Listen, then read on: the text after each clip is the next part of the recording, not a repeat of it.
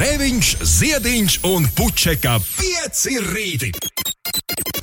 Eterā katru dienu starp 6 un 9. Lai teiktu mums visiem, labrīt! Labrīt, saulītis, labrīt, mēnestiņa, labrīt, Rīga, labrīt, Latvija, labrīt, pasaule. Ir 6 minūtes pārpusdienas, 6.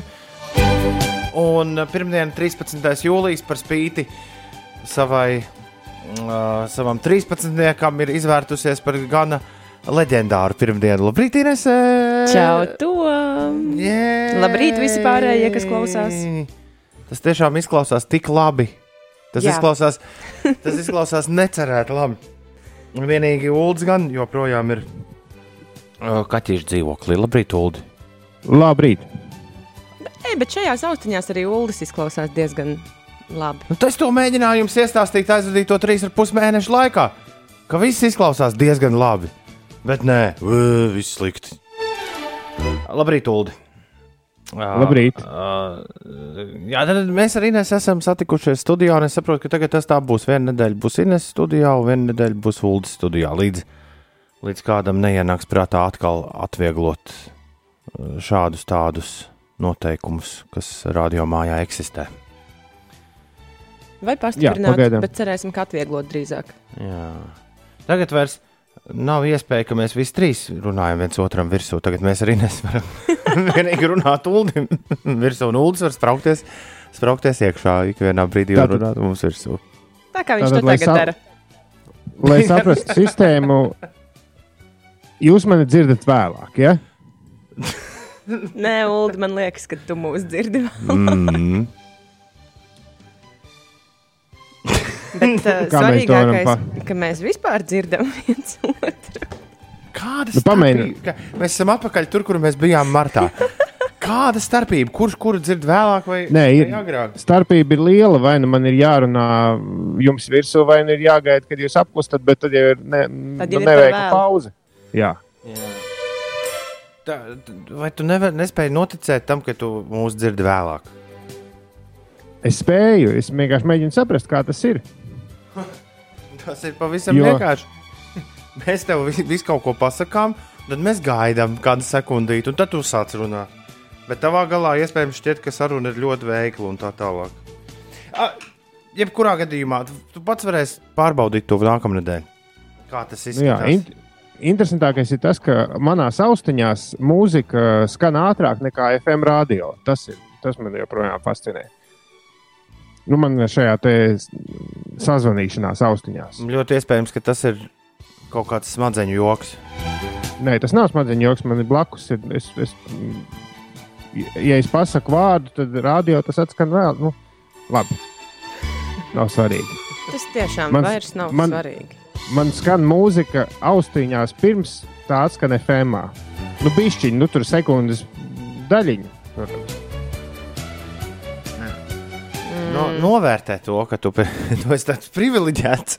privileģētāks dzirdi par pāris. Jā, par pāris līdz ar to man grūti, man grūti noticēt, ka es jūs dzirdu vēlāk. Es mēģinu- saprast, kā tas ir. Uh, jebkurā gadījumā mums bija visiem brīnišķīga nedēļas nogale. Es tā saprotu. Jā, Ines pavisam noteikti savai nedēļas nogalē var likt 10 no 10. Uldi, kā tev būs ar atzīmīti? Es īsti nevaru likt, ielikt atzīmi, jo man bija tāda nu, ļoti parasta nedēļas nogala. Ok, ja neskaitu pirti piekdienu pie kolēģiem, tad, tad visādā citādā ziņā neko, neko īpašu es nesadarīju sestdienas veidā. O, knabadziņš. Nē, es nesūdzos, tā arī reizēm vajag. Ines, ko tu bez hokeja darīji? o, man, man tiešām šī bija ļoti laba nedēļas nogala. Tā sākās jau piekdien, uzreiz pēc ētera. Jo es aizdevos uz Valmieru, tur bija neliela nometnīte bērniem kāpšanas, un mana kliņš kāpšanas uh, biedra to rīkoja. Un es domāju, es taču arī varu aizbraukt, pakāpt mazliet pa mm, akmens sienu. Jā, ar to sākās manas brīvdienas. Tātad es biju Valmierā, tad uh, bija tā zvejnieku svētku nedēļas nogala.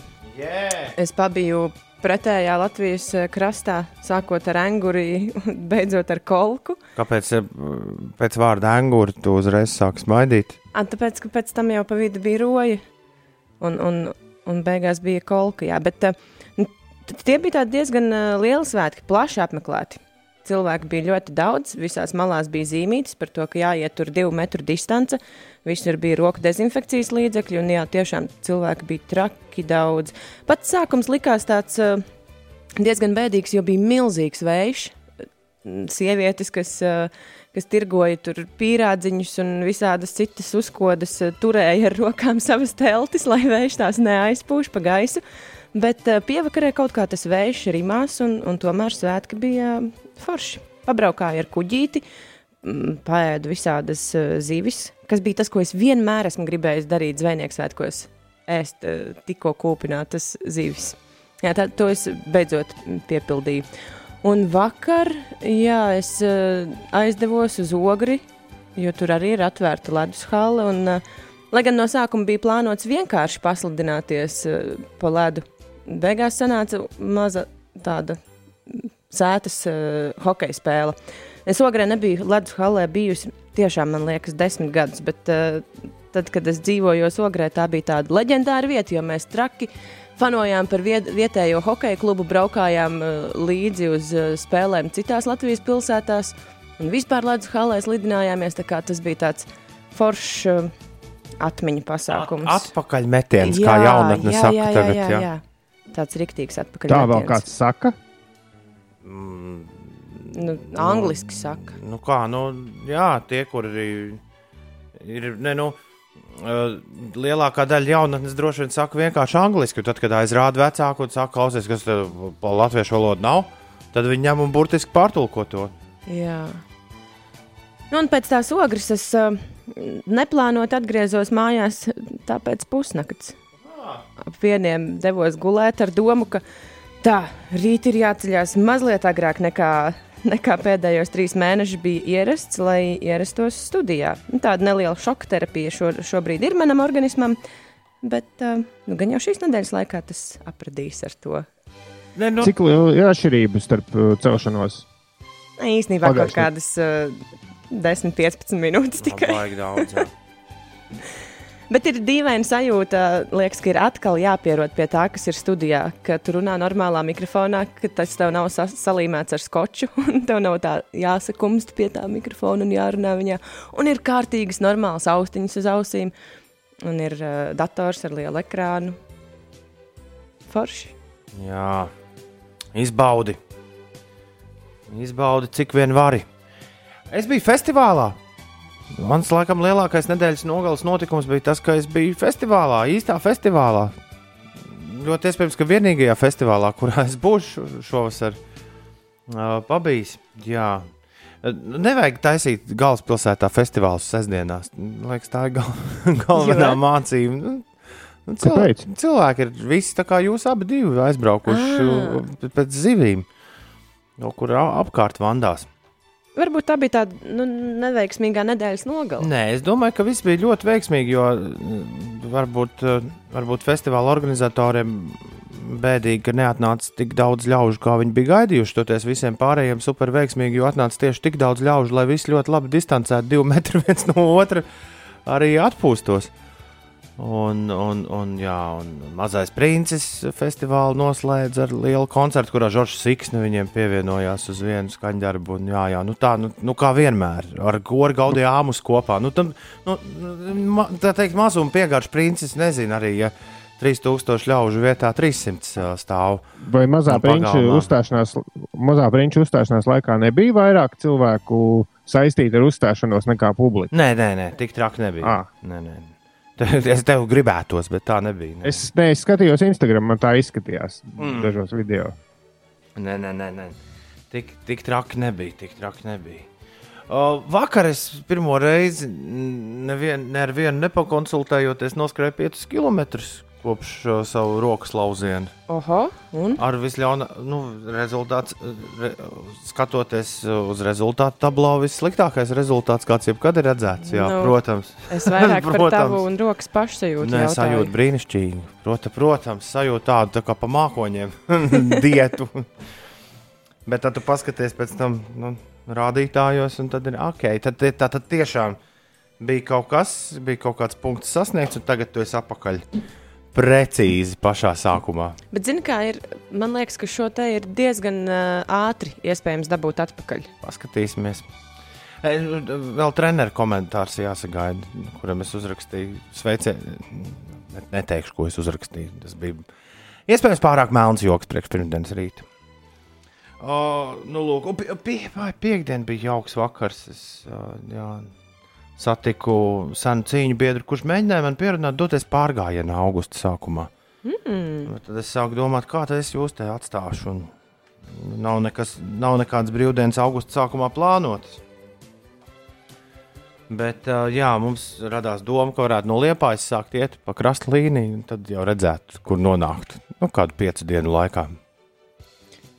Pa vidu paviesojoties pie gunčes un pliki uzdejojot dzirnā, Pāvilostā. Tas, man liekas, diezgan populārs maršruts. Ir. Iet Tur vēl uz krasta līniju. Tad tur vēl uz augšu ir šādi tādi ļauži, ko apciemot, varētu būt diezgan jauki. Bet laikam ne šogad.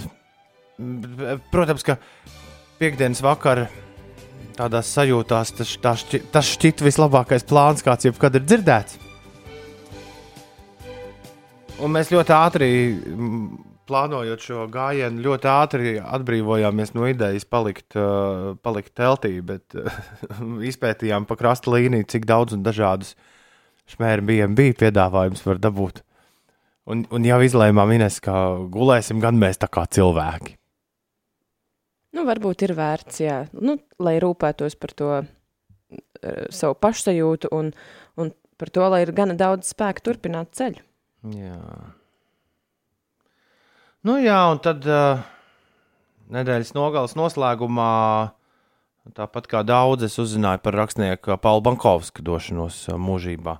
Un uh, šorīt no rīta braucot uz darbu, es uh, apskatījos Paula Instagram kontu. Un, uh, tas, man liekas, mums katram var atgādināt par to, ka uh, jā, dzīvo draugs mīļais šodien, jo, jo jā, tur tā paskaties bildītas, kas ir visas pagājušās nedēļas laikā bijušas. Un, un tā tā dzīve, viņa vienā brīdī skrien, skrien, skrien, skrien, skrien un tad pēkšņi tudungš. Var arī iestāties pauze bez laimīgām vecumdienām un vispārējā, kas nu it kā ierakstīts tādā, tādā dzīves modelī. Uh, jā, nu tas, tas mums katram, ko atcerēties. 19 minūtes pārpusdienas, 6 jaunu nedēļu, jo haidī, atkal 5 rīt pēc kārtas. Jā, ar sajūtu, ka, kāpēc es neguļu? Bet mēs tiksim visi ar to galā. Skaidra lieta, ka tiksim. Tāpēc mēs esam rīta cilvēki. Nevis tur kaut kāda naktas plandoņas. Nu, šādi un tad sanāk, bet uh, uz to pievērsim acis. Ulu, tu kādreiz esi gājis no liepājas uz augšu pa krasta līniju ar kājām. Nē, man paziņiet šobrīd no, no Lietuvas, no kuršu kāpas līdz Rīgai. Kā tik tā nav tā pati paziņa, kurai par godu arī šis, uh, šis gājiens tika izplānots? droši vien jā, no, no sabiedrisko attiecību nozares. Droši vien. Nu, jā, un Nu, viņi ir tikusi nedēļas laikā, laikam, līdz Pāvilostai, un es sapratu, ka ir plāns, ka tas varētu kādu mēnesi aizņemt. nedēļas laikā līdz pa... kilometri tik daudz. No, no kuršu kāpas. Nu, ja katru dienu iet kaut kādas 20, apmēram. Man liekas, ka vairāk nemaz nevajag iet par 20. Jā. Tas tā komfortablais attālums, nu, ka tu vari iet un baigi nesteigties. Tur jau 35 nieku tak mierīgi var noiet. Nu, viss Bet atkarīgs no tempa un, un tā, Tā vai kā tu priekš kam, lai tu kusties uz priekšu? Nu, jā, bet var taču iet arī lēnāk un mazliet pabaudīt to, kas tev ir apkārt, paskatīties, pasēdēt, ieturēt nesteidzīgas pusdienas. Jā, ja tu ej nevis, lai Slimest. nonāktu ātrāk Rīgā, bet lai izbaudītu atvaļinājumu, tad nav jēgas skriet. Labi. Katrs, katrs iesim savā tempā. Nu, tad, kad iesim, vēl jau neviens nekur neiet. Ir ā, 6,24.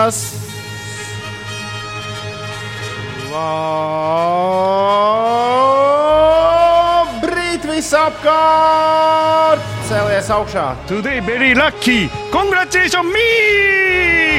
Yay! Šodien saule mīsies ar mākoņiem, ziņo Latvijas vides geoloģijas un meteoroloģijas centrs. Dažviet īslaicīgs lietus gaidāms. Un, pak, bet tā jau bija arī vakar. Kaut kur dzirdēts. Pārsvarā lēns rietumu puses vējš pūtīs, maksimālā gaisa temperatūra plus 17, plus 22. Rīgā šodien līdz plus 20, plus 21 grādam. Gaisa temperatūra saulēktā šodien fiksēta meteorīzes, meteorīzes ziņo plus 7, plus 10 grādi siltāk daļā piekrastes. Pirms gada Madonas un Zosēna meteostacijā ar plus 3,8 grādiem tika pārspēts 13. jūlija nacionālais augstuma rekords. Tā kā ir bijis augstāk, ja kādam šorīt zobu klāba, tad atcerieties, draugi, šis vēl ir it nekas. Viss kārtībā. Nu, nu, Pagājušā nedēļa mums rādījās ļoti glīta bilde Latvijas galvaspilsētai ar uh, tādiem jaukiem plus 20 grādiem katru dienu un saulīti un nekādiem nokrišņiem. Nu, pagaidām tā arī izskatās, ka galvaspilsētā nokrišņu pasākums ir beidzies. Un turpmāko pusotru nedēļu neviens nevienu lietu slāpes nesola. Pagaidām, mums vajag divas nedēļas. Ko lūdzu? Mums vajag divas nedēļas. Pēc divas nedēļas. Nu, līdz jubilejai. Līdz uh, 5LV jubilejai. Jā. Nu, nē, nu, tālāk, nu, 22. jūlijas ir pēdējais, ko es redzu. Tur jauki plus 15 no rīta un saulains rādās. Pagaidīsim pāris dienas, un tad jau redzēsim, kas tur ar jubilejas weekendu notiek. Ir 26 minūtes pārpusdienas sešiem. Pagaidām, bet uh, īstais datums ir kur katru dienu tūlīt, tūlīt. Rīt.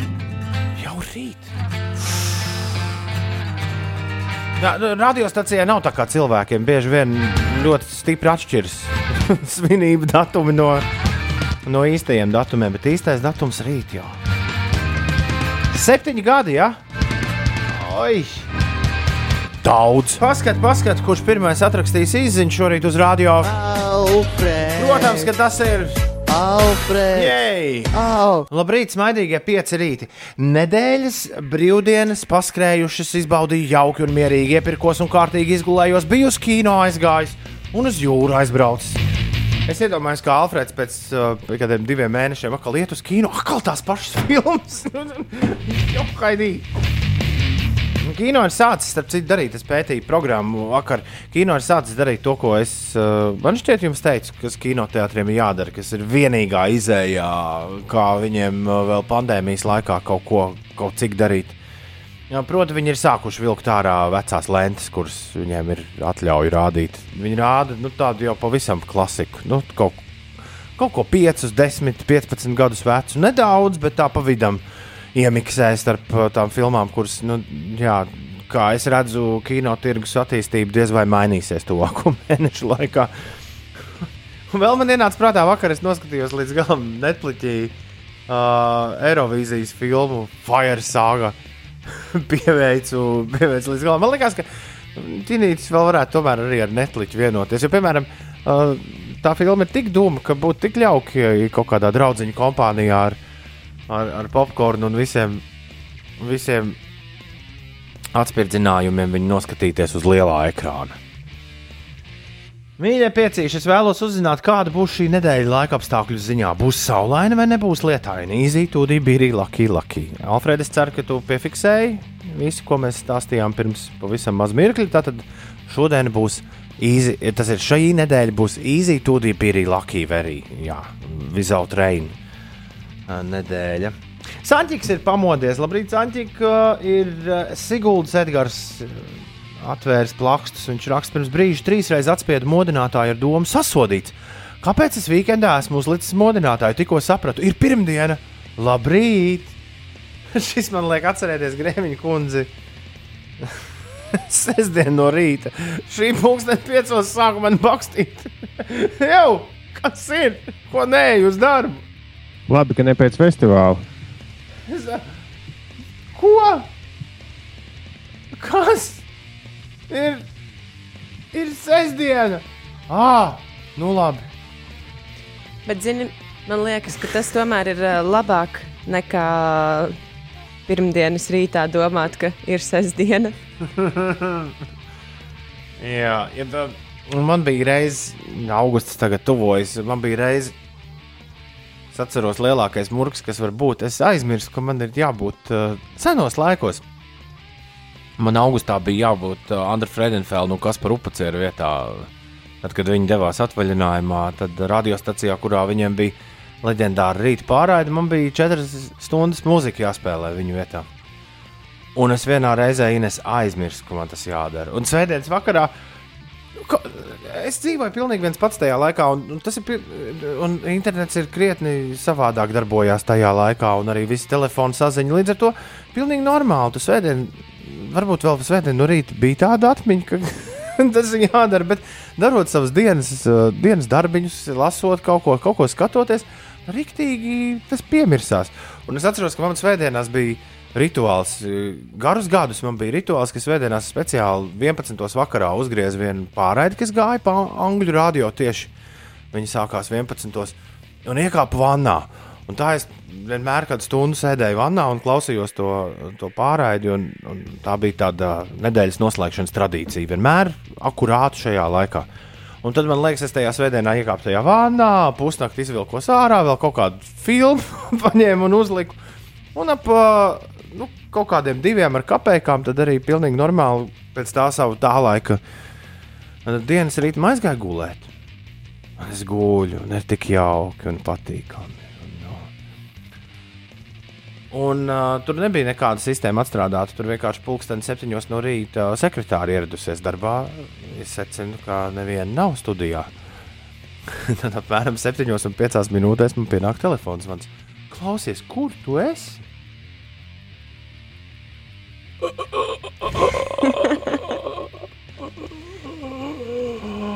Tā ir traka sajūta. Atcerējies uzreiz. Ā, Protams, momentā. Es gulēju pāris stundas. ā, Es, ar, es, sapratu, es sapratu, ka nekāds taksis. Ah, jā, taksis jau toreiz arī nebija tik viegli izsaukt. Tu piezvani uz kaut kādu numuru. Iedomājies, un kā mēs dzīvojām vispār to laiku. Piezvani, tu pasaki savu adresi vēl. Tā operatora nevar, ja tu dzīvo nestandarta kaut kādā vietā. Tad tā operatora vispār nevar saprast, no kuras puses piebraukt, kas un kā. Tu jau esi 5 minūtes pavadījis ar viņu runājot, un tad viņi vēl saka, jā, pagaidiet 15 minūtes. Jo pirms datorizētās loģistikas takšanas, kāpēc visu laiku brauc ļoti ilgu laiku uz jebkurienu Rīgā. Nu jā, un tāpēc es sapratu, ka ar taksi būs baigi gari un uh, uzlec uz velosipēdu toreiz. Un ar velosipēdu, man liekas, es tieši uz ziņām pulksten astoņos arī biju klāts. Jā, radiostacijā. Neviens, atceries pirmos neviens, ne, vārdus ēterā. ne, neviens neko. Ja tev nekas nebija jāsaka. Es neatceros, ko es teicu. Nē. Tas noteikti kaut kur magnetofona lentē ir piefiksēts, bet e- es neatceros. Ne. Kaut kādu muļķību pateicu par to, ka man, man rīktīgi var sanākt, ka aizmirstis, ka ir pirmdiena. Un tad šī tā. Nu, un tad tika gāzi tālāk. Bet tad nebija arī īziņa vai ne no klausītājiem nekā tāda. Tolāk, ja nemaldos, lai atsūtītu, ne, bija ēpasti. Cilvēki sūtīja ēpastus, un tad, lai atsūtītu ziņu uz rādio, bija jāsaka. Tajā laikā Ines, es šo vienmēr atceros, arī spurgdams. Tev bija jāzvan uz maksas numuru, nedārgu. Un jānodiktē ziņa abonementam, nu tā kā pēģerim. Man lūdzu, nododiet ziņu abonementam, tā, abonementam tādam un tādam. Nu, kaut kāds tur cipars bija 1,55. Un tad tu pasaki tai operatorai, viņi visu pieraksta, un tad es tev atnāku un pienāku. Bet cilvēki to laiku daudz vairāk uz radio zvanīja. Runā, ka lielajās radiostacijās viņi joprojām zvanot kā traki. Uh, bet, uh, jā, to laiku, to laiku tu ļoti ātri no ierastajiem klausītājiem saņēmi atsauksmes, vienkārši paceļot tālruni. Nu, it īpaši tajās rītstundās, ja es vispār varēju katru visu, visu dziesmu laiku pavadīt vienkārši tikai runājot ar kādu pa telefonu. Forši, ja esi viens no rīta ēterā, vismaz ir kāda kompānija. Ko papļāpāt? Uzmini, Ulu, cik ir pie bērnskroga šobrīd? Tikpat cik tu no rīta rakstīji. Jā, plus 9. Bet uh, šis plus 9 ir siltāks plus 9 nekā bija kaut kāds plus 11 pagājušajā nedēļā, jo vējš ir rimies. Meitenes un zēni, dāmas un kungi, vējš ir rimies. Tas ir. Bet kāds sestdien bija vējš? Jums, ne, jums nebija rīktīgi. Jā, Nīnes jau stāstīja par teltīm, kas lido pa gaisu. Rī. Rīgā un Rīgā jau kā pagalmiņā aizvējā bija baigi labi. Bet tad jūs jau mm, jūs dabūjāt. Jā. Es braucu ar auto uz Rīgu un uh, priecājos, ka es neesmu ar mociju izbraucis. Jo pirmkārt, tas būtu piekdienas salīs, nu, jau bija tāda diezgan riebīga migliņa. Un, un otrkārt, pūcis nu, sezien nos no ceļa, jo mašīna jau kustināja. Nu, tā kā jūtami. Mašīna kustina vējš. Uf. Traki. Beigušās ir papīra krūzītes jau kādu pusnedēļu radio. Mūsu jā, studijā. Jāsāk lietot īsti tiešām īstā krūze. Bet, bet krūzītes ir izmazgātas. Mums atnesa uz. Uh, Atcerieties, dot pieci, kāds mums uzdāvināja smukas krūzītes, kur bija katram Jā. savs vārds, uzvārds. Es izpa... nevienam viņas neinteresēja. Es izpakoju Magnus krūzīti un ļoti veiksmīgi pirmo pusgadu lietoju ar uzrakstu Magnus. Un tagad man liekas, Jā, ka un- Magnus viņu nospērs. ir. Nu, viņam acīm redzot, Un- apnika, ka es tā darīju. Zīmīgi, ka krūzītes ar uzrakstiem Toms un Marta stāvēja uz tava galda visu to Jā. laiku, tu es esmu. Magnus. Nu, man nekas, nekas cits neatlika. Tagad, kad Magnus ir nospērs Magnus krūzīti, Tas ir diezgan loģiski, kāpēc gan lai viņš tā nedarītu, tā ir viņa bet es viņu esmu, kā, es biju viņu kārtīgi jau palietojis. Viņš dabūja tādu nu, super lietotu krūzīti.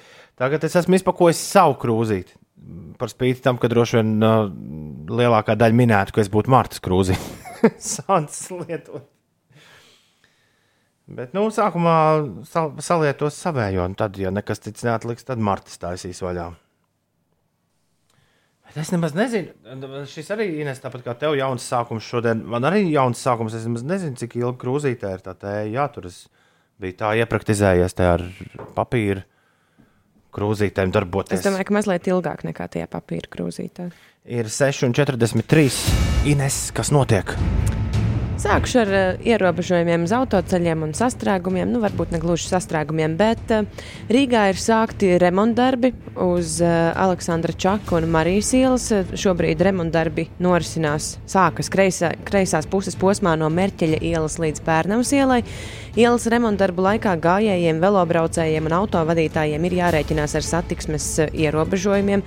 Šodien braucu, redzēju, jau vīri darbojas tur.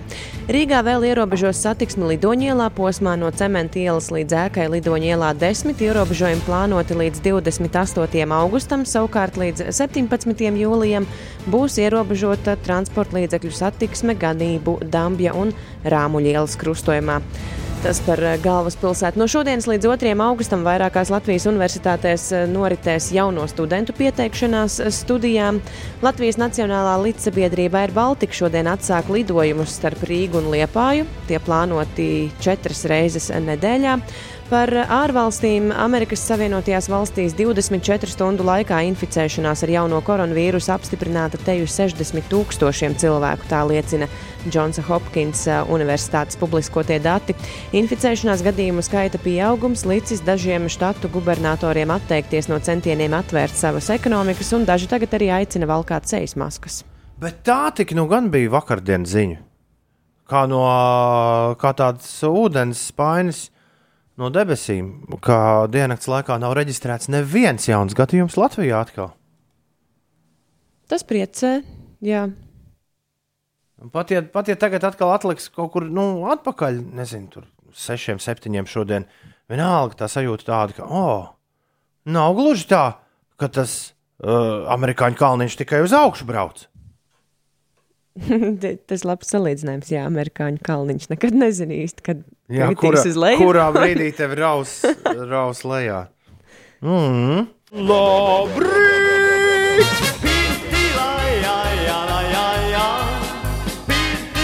Nu, ai, ai, ai, jā, kā tad tev gāja pirtī? Ko?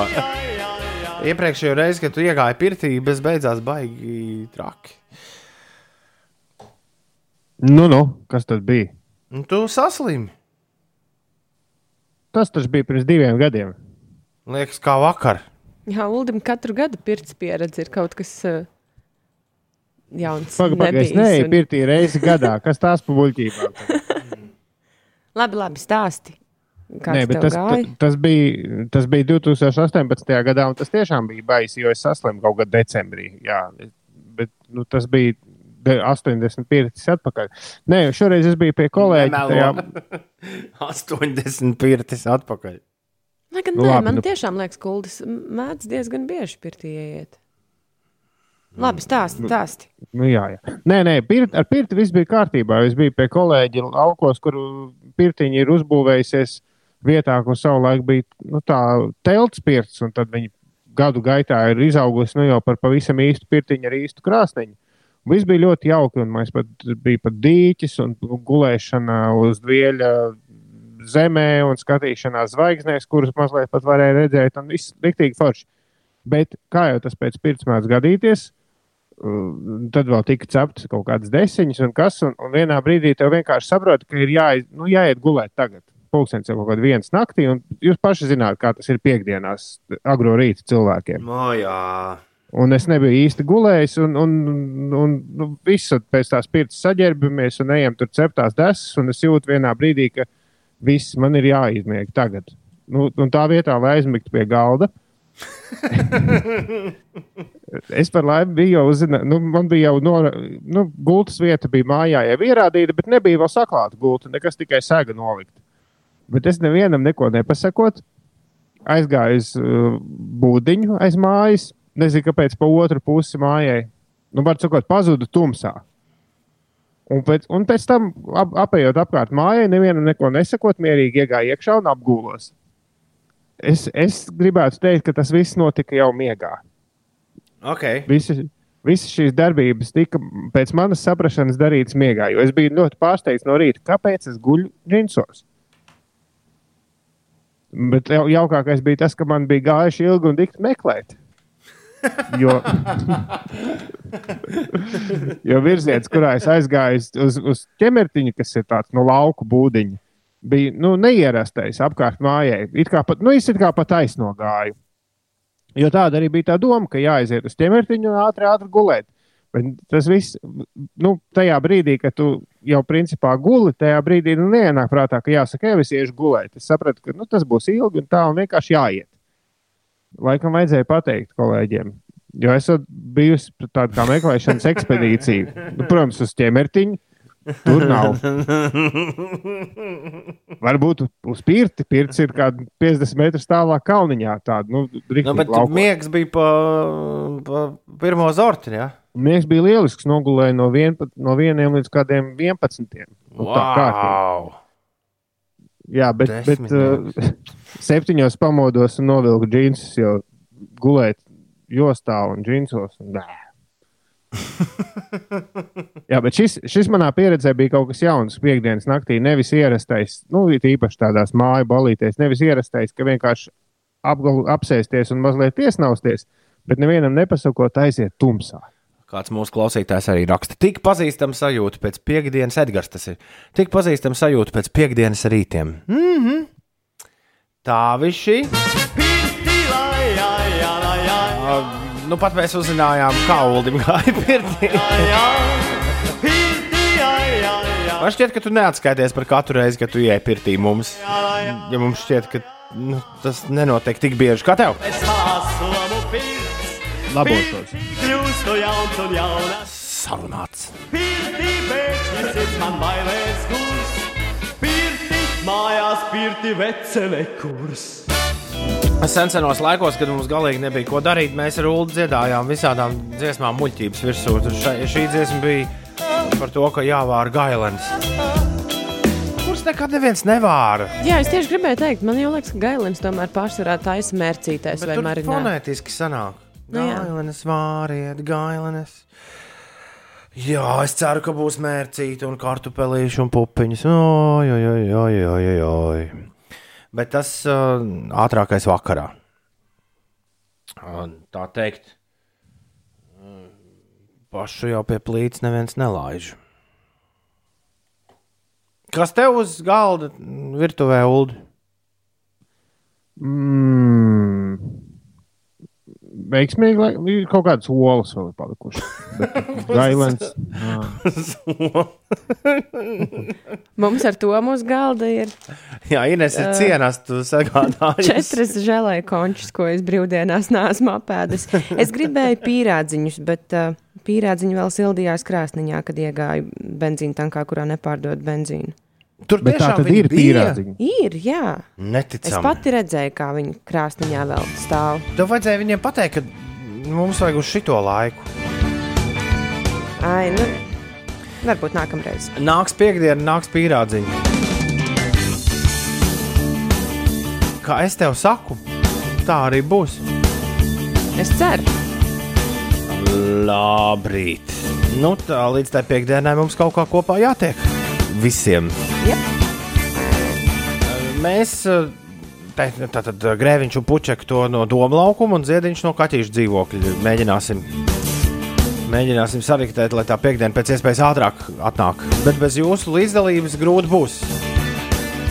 Eksperti, es atvēru LSMLV galvenā ziņa. Eksperti, tas, ka vienu dienu saslimušo ar covid-19 nav, pilnīgi neko nenozīmē. Bet tā taču ir.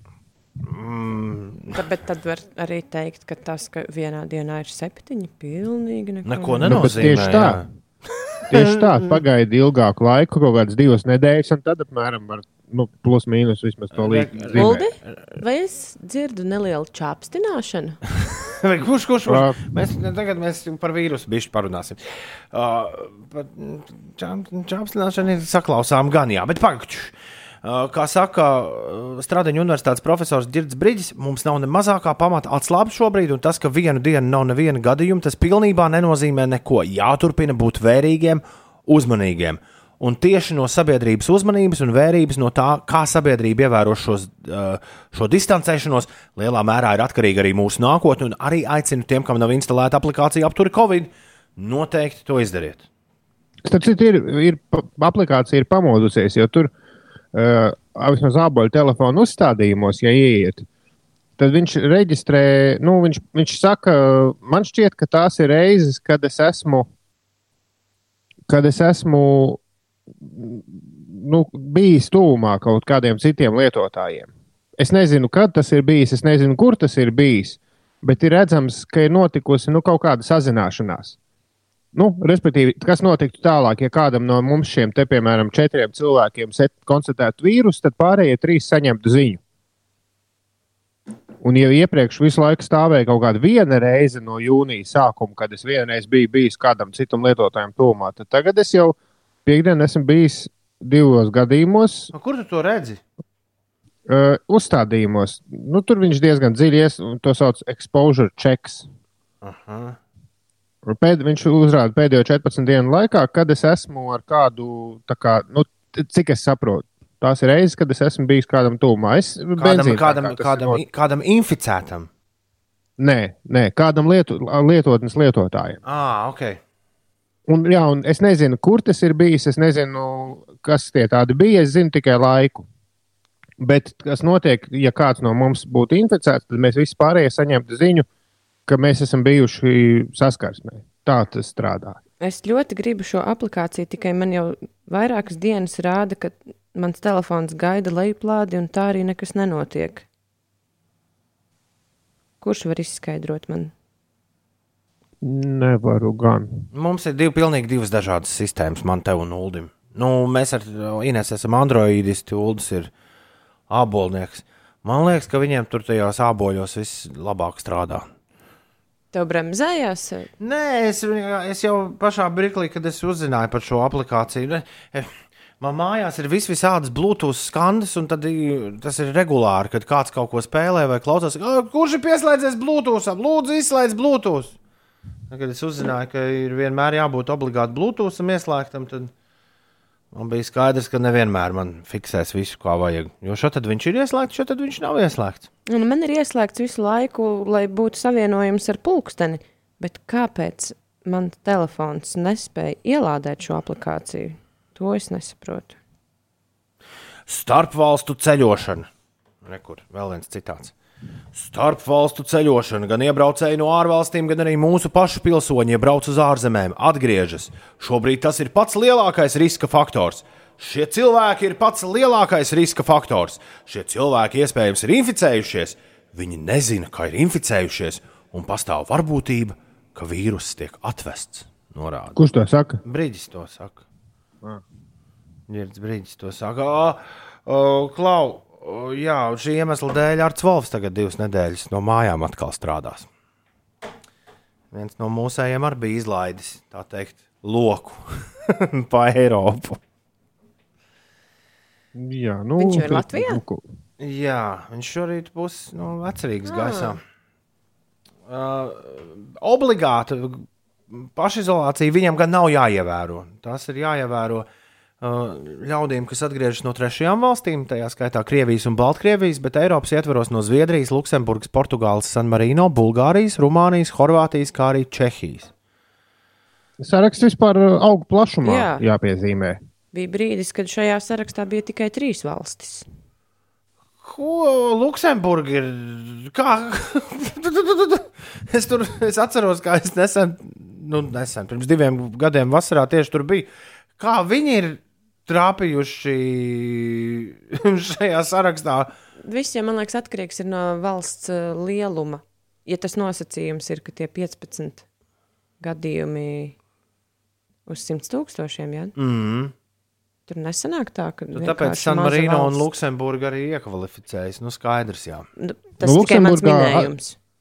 Luksemburgā 83 vakar inficētie. Auč! Ah, Tur cilvēku nebija nemaz. Es dažreiz smējos, aizbraucot nu, uz Liepāju vai Kuldīgu. Saku, ka oh, nav cilvēku. Nu, teiksim, darba, darba dienā. Tas nav, oh, nav cilvēku, cik forši. Aizbrauciet uz Luksemburgu, tīpaši uz tiem ziemeļiem, kur es biju apmeties uz vienu nakti. Tur es varēju sēdēt pie loga un stundas laikā labi jau uz vienas, vien, vienas rokas pirkstiem cilvēkus saskaitīt. Traki. Bet es Traki. nedēļas nogalē klausījos ļoti jauku, pat divus pilnīgi nejaušus podkāstus ar Tomu Oh, podkāsts. Ej, nu, ej. Wow. ar Tomu Lūdzu, Hanks. klausies uh, podkāstu. Jā. Jā. ar Tomu Hanks uh, dalību. Viens bija viņa intervēja Konanu O'Brien, un otrs bija es atradu vienu jaunu podkāstu, kur lieliskais aktieris Alan Olda. Alans. Alda.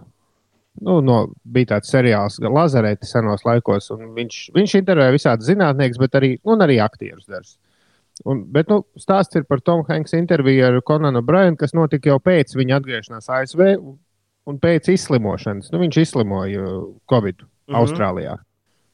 Un viņš stāstīja, kā tas tur bija, ka, ka viņam ar sievu nu, viņi bija slimnīcā vienu brīdi, un pēc tam izolējās, un katram tie simptomi citādāk, un sievai joprojām nesot ne smaržas, ne garšas sajūta atgriezusies. Un esot bijis nu, šausmīgs nogurums, un nespēja uz, viņam bijis nespēja uz neko koncentrēties ilgāk par kaut kādu pusstundu vai cik. Bet viņš saka, tā kā tas ir mans dabīgais stāvoklis, tad es īpaši nesatraucos. Nu, ka ir nogurums visu laiku. un tā. Bet nu, viss kā ir atpakaļ, un, un, un, un šobrīd viņš teica, ka viņam ārsta, viņš saņēma īziņu no ārsta, kurā bija teksts uh, attiec par, tava, par tavām antivielām. Atnāc, nu, vai sazvanamies, nav labi, nu, ir sliktas ziņas. Saka, tādu īziņu katrs no ārsta droši vien sapņo saņemt, ka ir sliktas ziņas. Nu, ka iespējams, ka viņam nav pilnīga imunitāte uz visiem laikiem. Bet svarīgākais, ko viņš teica, viņš saka, viņi ar to konānu smējās. Nu, Amerikā, protams, tā situācija un vispār tas fons ir bijis citādāks nekā pie mums. Viņi saka, cik, cik nenormāli maz tiek prasīts no ierindas cilvēka. Nu, mazgā rokas, nē, cilvēkos un lieto masku. Un cilvēki ceļas kājās un saka, nē, mums ir tiesības nelietot maskas. nu, viņi tā iesmēja par to. Nu, vai Cilvēki. arī tā kā mēs to mūsu platuma grādos redzam. Vienkārši nē, mēs nelietosim maskas. Viss. jā, paldies, ka jā. iesakāt. Jā. Nebūs nu, citreiz. Tas ir, tā, nu jā, maska ir tāds ļoti egoistisks pasākums, jo maska jau neaizsargā tevi. Maska maska aizsargā aizsargā citus. citus. Jā. Un kamēr es domāju, ka ar mani viss ir kārtībā, tikmēr, kurš kam man masku, es taču esmu vesels. Jā. Ir ā, 14 minūtes pāri pusdienas septiņiem. Vienmēr sakot, draugi, mīļie, saglabājam modrību. Un lai arī infektuologi saka, ka neko tas nenozīmē, nu, bišķi tādu, uf, tas tomēr vakar atnesa. Es domāju, ne man vienam. Nu, Un- bet tas ir tieši tāpat, kā secināt, vakar līja lietus, tātad šodien nelīs. Jā, bet dažreiz ar to pietiek. Pavisam vienkāršai cilvēcīgai, vienkāršam cilvēcīgam, labam garstāvoklim. Tev ir slikts garstāvoklis. Ir pirmdiena, trīs, ir, pir, ir pirmdiena, vecīt.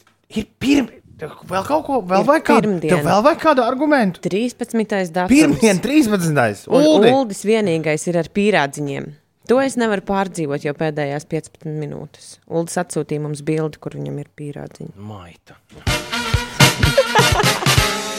ir pirmdiena, 13. jūlijas. Galvenais ir labi izgulēties. Jūs nevarat iedomāties, cik tas ir forši. Beidzot, es to izbaudu. Miegu. Es, man katra diena ir sestdiena. Nē, katra diena, kā Morisijas dziedājas, svētdiena. Celies augšā, ir pirmdiena, beidz te pa sestdienām, svētdienām. Tas rīta Latvijā! Fantazēt. Jāceļas augšā, ir jāsveic Margaritas un Margarietas vārdu svētkos. Viņām šodien svētki. Čau, Margarita, čau, Margarita. Robertam Gobziņam šodien dzimšanas diena. Lielo muļķu mēram Alnim.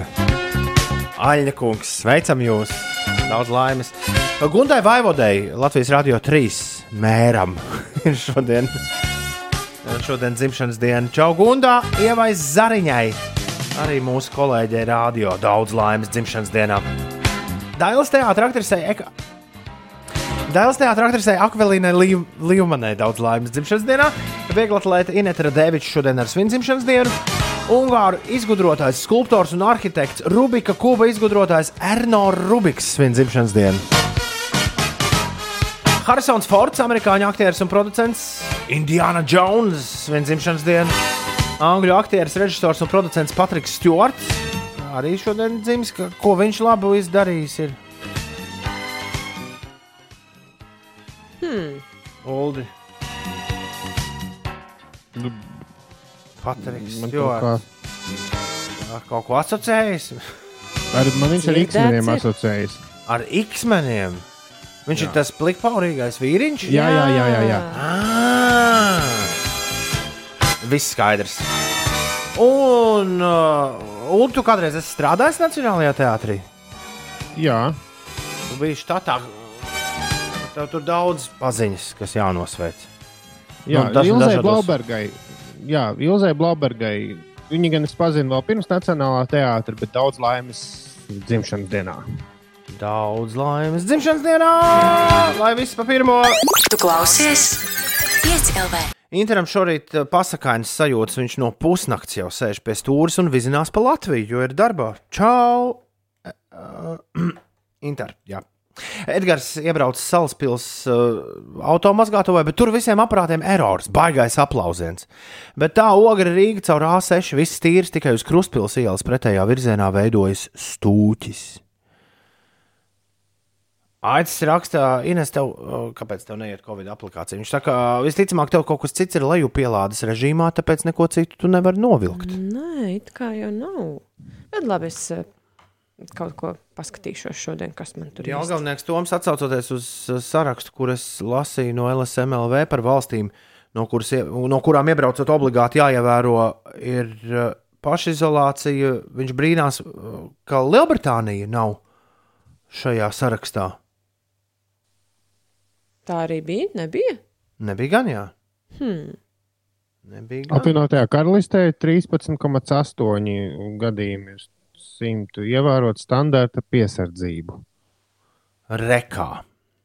Jā, un es tikmēr esmu sarunājis muļķības par to apturu Covid aplikāciju, jo, jo kamēr viss stāstīja, kā es esmu reģistrējis nu, būšanu kopā ar citiem lietotājiem, tikmēr man tur uzrādījās jauns ieraksts šorīt 7.14. Tas nozīmē, ka tas tie ir nevis varbūt, brīži. bet varbūt tev gāja garām pa trepēm kāds. Nē, nē, man nav cilvēks. tik tuvu te nekur. Nē, pie tam pieci. Tas tie, t- tie nav brīži, tā tad kāds rakstīja, ka man vienkārši rāda iepriekšējās diennakts saslimušo skaitu, bet nē, nē, tas nav tas. Bet tie nav brīži, kad es esmu ar kādu kopā, bet es tagad izpētīju. Tie ir brīži, kad lietotne, jo visu to melno darbu jau dara pats telefons. Abolītis ar Google salikās kopā un uztaisīja visu to infrastruktūru. Un uh, katrai valstī tad ir sava lietotne, kas izmanto šo infrastruktūru. Un, un tas, ko man viņi saka, tas ir brīdis, kad šī lietotne savāc no manas telefona tos, nu, rokas spiedieniņi ar citiem lietotājiem. Jo tas ir vienkāršākais, kā izskaidrot, kā šī lietotne darbojas, kā rokas spiedieni. Nu, tā kā viņi reģistrē, kad es esmu bijis. Un tikko reku 7.14. atkal no manis savāca datus par pieciem rokas spiedieniņiem, no kuriem neviens nav matched key, lai ko tas nozīmētu. Nu, virtuālajiem rokas spiedieniņiem. Nu, jā, jā, jā, protams. 7,26. Ines. Pastāst mums, kas notiek. Par uh, situāciju uz autoceļiem šajās dienās pa Jūrmalas šosei, kur turpinās vēl joprojām plaši remontdarbi, tur ir atjaunota satiksme pa abām brauktuvēm, kas nozīmē, var braukt gan eh, vienā virzienā, gan, gan otrā virzienā. Tiesa vienā pusē ir atvērtas uh, trīs uh, brauktuves, un šķiet, ka otrā, uz otrā virzienā ir tikai viena brauktuve ar ātrumu ierobežojumu 50 km/h. Par, par citiem remontdarbiem Tepat Rīgā ierobežos satiksmi Lidoņielā posmā no Cementa ielas līdz ēkai Lidoņielā 10. Ierobežojumi plānoti līdz 28. augustam, savukārt līdz eh, 17. jūlijam būs ierobežota transporta līdzekļu satiksme Ganību, Dambja un Rāmuļu ielas krustojumā. Un vēl ir diezgan nu, vērienīgi, varētu tā teikt, remontdarbi uzsākti uz Aleksandra Čaku un Marijas ielas. Šobrīd tie sākušies eh, kreisajā pusē no posmā no Merķeļa ielas līdz Pērnavas ielai. Šķiet, ka šie remontdarbi gan ilgs eh, visas vasaras garumā, kamēr sataisīs vienu ielas pusi un pēc tam otru ielas pusi. Par sastrēgumiem Krustpils ielā šobrīd ir jākavējas aptuveni 6 minūtes. Līdzīga situācija uz autoceļa A7 posmā Kroksils balošu pagrieziens. Tur 7 minūtes jāpierēķina klāt. Un sastrēgumu uzvarētājs ir, protams, posms no Dalbas līdz Jaunolainē, kur ir jāpavada vairāk nekā 20 minūtes braucot Rīgas virzienā. Ir ā, 7,28 minūtes. Es jums pagājušajā nedēļā stāstīju par uh, savu Amerikas paziņu, kurš uz Latviju brauc. Uh, ir ieradies, tagad ir pašizolācijā. Uh, sarakstījāmies, es prasu, kā tā bija. Uh, nu, tas viss lidojums. Un šis saka, kā privāta džetā. Trīs pasažieri esot lidojuši no, no Ņujorkas uz Amsterdamu, nē, uz Frankfurtu. Kā viņiem atmaksāja sūdu šo darīt joprojām? Neatmaksājas. Kāpēc tad viņi lido? Kāpēc nesagaida reizes nedēļā, kad ir savākušies pasažieri un tad nelido?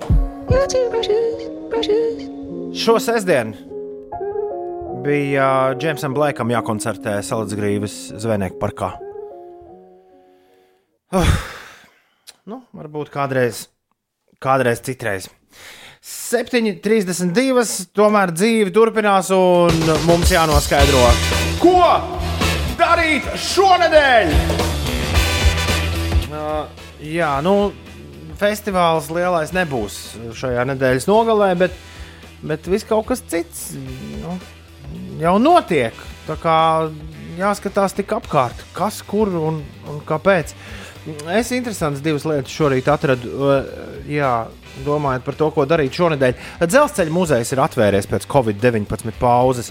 Un muzeja apmeklētājus sagaida ar pop-up izstādi par Rīgas centrālās dzelzceļa stacijas pārmaiņām vēstures līkločos. Visai drīz centrālā stacija atkal piedzīvos ne, lielas pārmaiņas. Un izstādē iespēja izpētīt lielformātu fotografijas ar staciju kopš tās atvēršanas 1861. gadā līdz pat 20. gadsimta 80. gadiem. Ir iespēja apskatīt dažādus priekšmetus, kas reiz rotājuši stacijas interjeru un peronus, kā arī iepazīties ar gaidāmajām pārmaiņām līdz ar Rail Baltica dzelzceļa līnijas būvniecību. Man kā dzelzceļa entuziastam šis šķiet uh, ļoti forši, un atgādināšu, ka dzelzceļa muzejā arī feini tas, ka daļa ekspozīcijas atrodas ārpusē. Nu, tā kā nu, svaigā gaisā. Vairāk vietas. Nu, nu, arī mazāk iespēja kādu bacilu saķert. Jā. Jā. Tas, uh, tas svarīgi. Un šonadēļ noslēdzas Latvijas dabas fonda organizētais festivāls. Es gan ne, neatradu nu, nekur mm, kaut kādus konkrētus notikumus, bet uh, jā, uh, mīlas festivāls Nerātnēs Kukainītis. Mm. Izrā, izrādās tas jau kopš 22. jūnija ir. mm, ir, ir, ir, ir gaisā. Mīlas festivāls Nerātnes kukainītis ir par kukaiņu mīlu, mīlas laiku dabā. Tā ir rakstīts. Jā. Nezinu, varbūt var kaut kur ietrāpīt uz, uz svinīgu mīlas kukainīšu noslēgumu. nu, Uldi, kas, tev, kas tavā maisiņā? Manā nesņā pirmkārt es zinu, ka daži mani mūzikas instrumenti ir aizceļojuši uz dabas koncertu zāli. Bet, bet kas īsti tur notiks un kā tas notiks, pat, pat es īsti nesaprotu, lai gan piedalījos eh, mūzikas ierakstā. Kaut ko filmēs. Nu, katrā ziņā dabas koncerta zāle par godu pūpēdim, īpašajam starainajam pūpēdim, zem, zemes zvaigznei. Būs. Bet kur un kā to meklējiet paši, nemāku pastāstīt. Uh, bet viena lieta, ko pēc atsauksmēm spriežot, noteikti vajadzētu trāpīt, apmeklēt, ir sajūta izstāde gaisma Nacionālajā teātrī. Jo, uh, nu, nu, varu citēt vienu no Latvijas pasākumu grandiem, Mārcis Gulbi, kurš ir savā Facebookā ierakstījis mazu tādu kā atsauksmi par šo pasākumu. Ka priekšnesums, kurā galvenajā lomā ir gaisma iekārtas, dod iespēju atkal satikties, jo tas ir klātienē Neviļs pieķēra sev, ka sekoja līdzi nevis gaismas uzvedumam, bet tam, kā uz to reaģēja citi drošā attālumā sēdošie skatītāji. Var sakot, tur ir eh, ļoti. Tur Izrādē piedalās visas iespējamās gaismu tehnikas, kādas tu vari iedomāties. Sākot no lāzeriem, beidzot ar spoguļiem, video un visu kaut ko tādu. Un arī kafiju pirms izrādes var iedzert.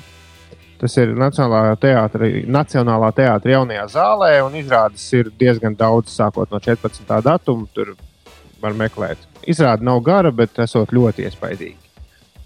Uh, Goran Goru uzstāsies trešdien uh, Strīdska vilnas dārzā kopā ar Astrid. Nē, viņš nebūs kopā, bet būs Goran Gora, un tad būs Asnēta Rancāna un Staņislavs Jūdins, kas ir ļoti augsts projekts. Džeziņš, jā. Ar, ar tautas elementiem. Jā, un šonadēļ Cēlā pilsētas svētki izrādās. Mm -hmm. Nu, Vaigi interesanti tur izdomāts. Es tikko izlasīju visu programmu. Būs virtuāli attālināta klātienē. Būs. Hmm, interesanti. Jā, jau tiešraidi, kas tiks filmēta, un tur būs koncerti, viss kaut kas. Skatuve un studija atradīsies Cēlā pilsētas dārzā, bet tur cilvēks nelaidīs filmēšanas process nebūs, ļaut, filmēšanas process nebūs ļauts vērot klātienē, bet uh, tiešraidi būs visdažādākajos restorāniņos un kafejnīcās, gan pilsētas laukumā, gan uh, internetā, virtuālajā vidē. Var sakot, visās malās to varēs vērot arī turpat cēsīs. Un tad vakarā būs arī virtuāla ballīte, kur spēlēs. Būs, būs koncerts un sports un tirdziņš, tirdziņš gan klātienē. To, to laikam virtuāli varētu, bet droši vien baigi sarežģīti. Un virtuālajā balītē uzstāsies uh, DJs Toms Grēviņš un Rīga Regei. Yeah. Kopā? Virtuāli.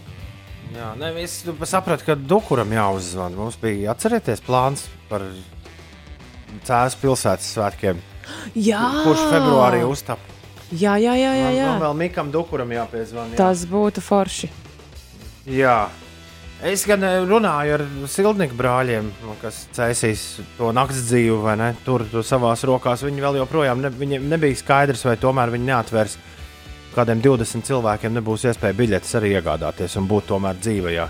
Par to viņi joprojām diskutēja pagājušajā nedēļas nogalē. Bet nu, tad jau sakos, es domāju, cēsinieku dabūs informāciju. Informāciju visātrāk un paši visi sapratīs, kas un kā ir jādara. Bet jā, jāaizlaiž uz cēsīm nedēļas nogalē.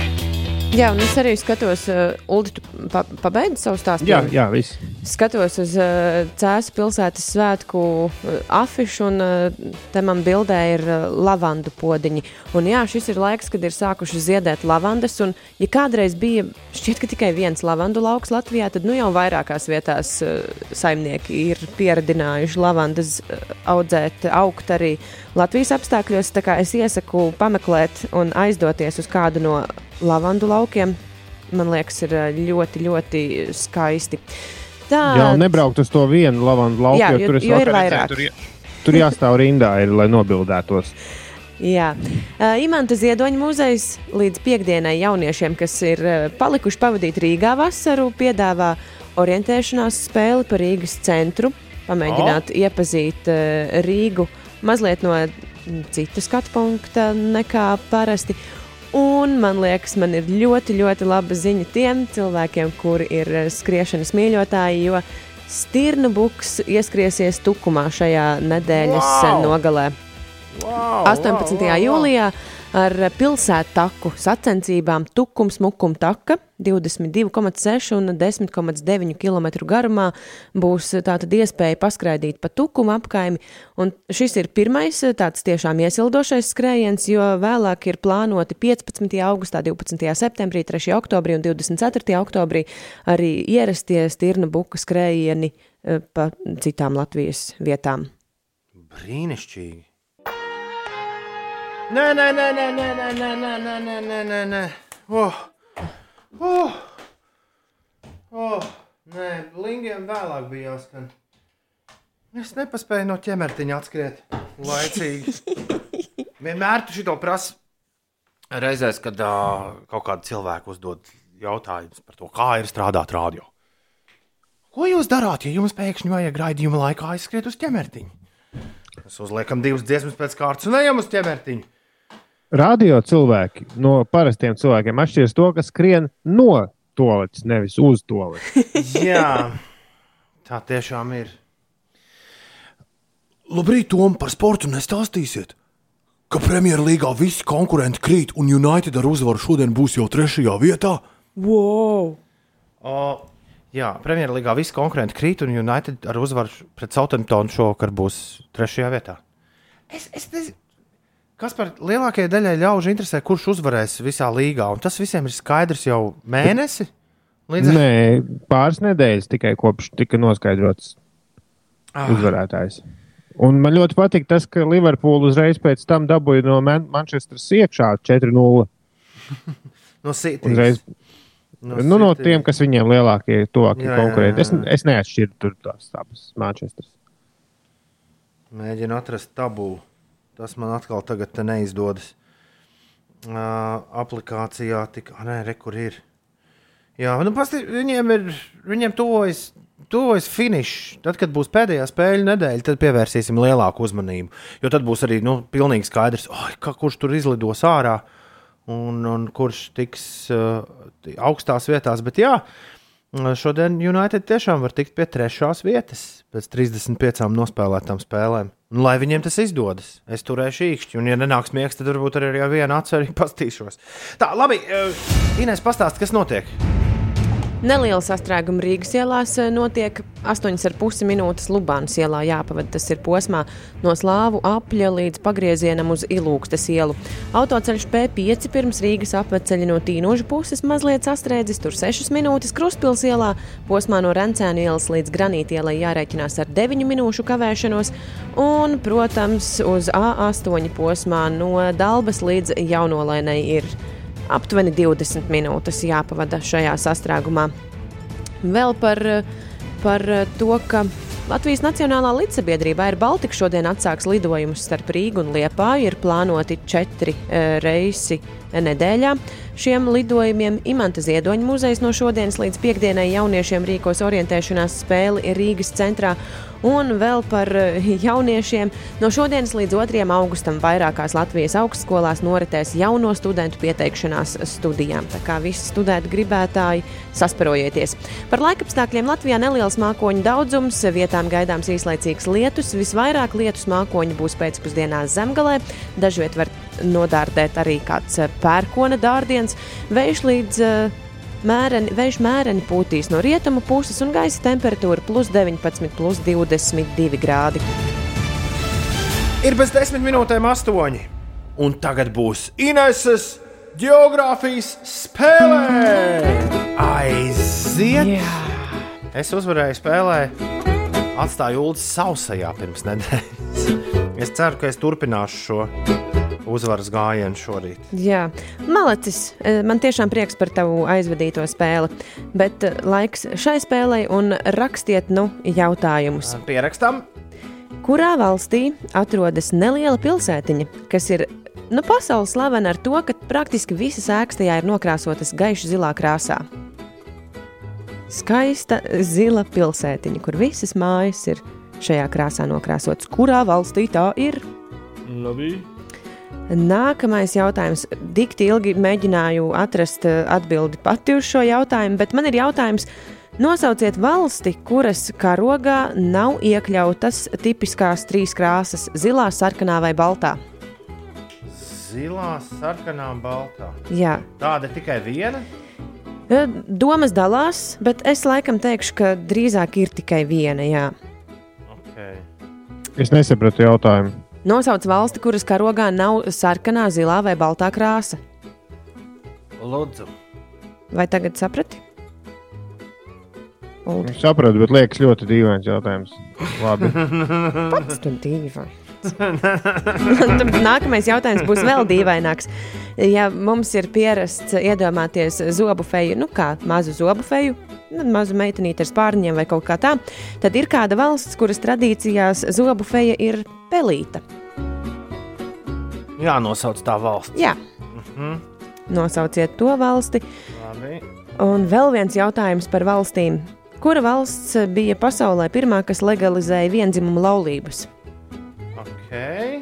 Un pēdējais jautājums gan ir vietējais jautājums par uh, Latviju. Izrādās, mums ir kāds ļoti garš ciems, kurš stiepjas 7 km, aptuveni 7 km garumā. Tas ir Latvijas garākais ciems. Nosauciet šo ciemu. Sarunāts.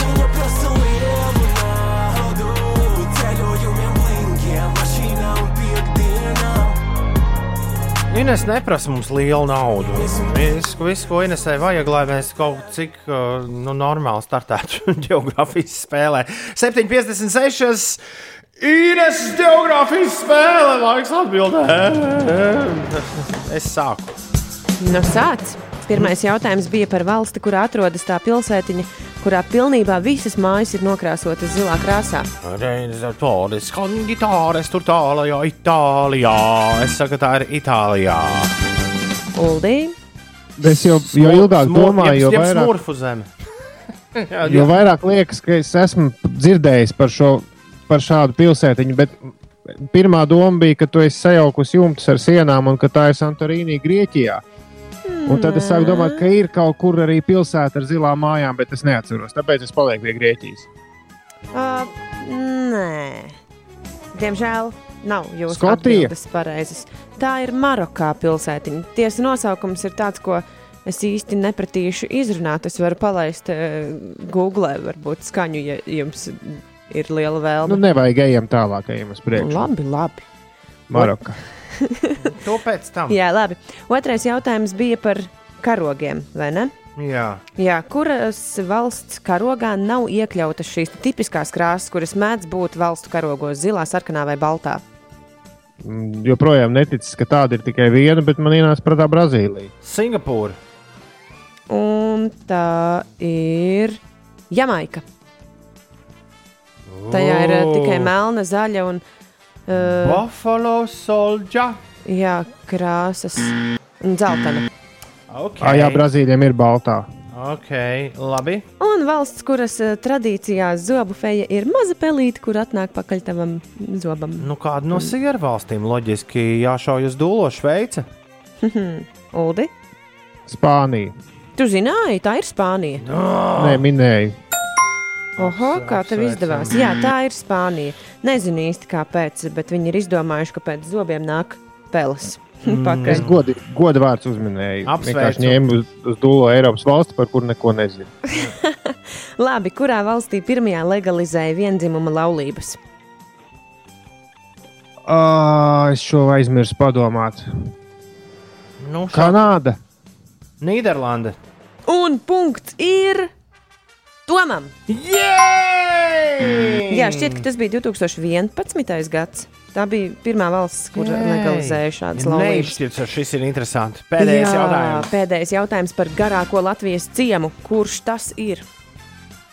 Ja tas ir kāds ciems aiz angūras, tad es esmu dimbā. Bet, Plakanciems. Es saku, bet- man ir jāatbild pirmiem.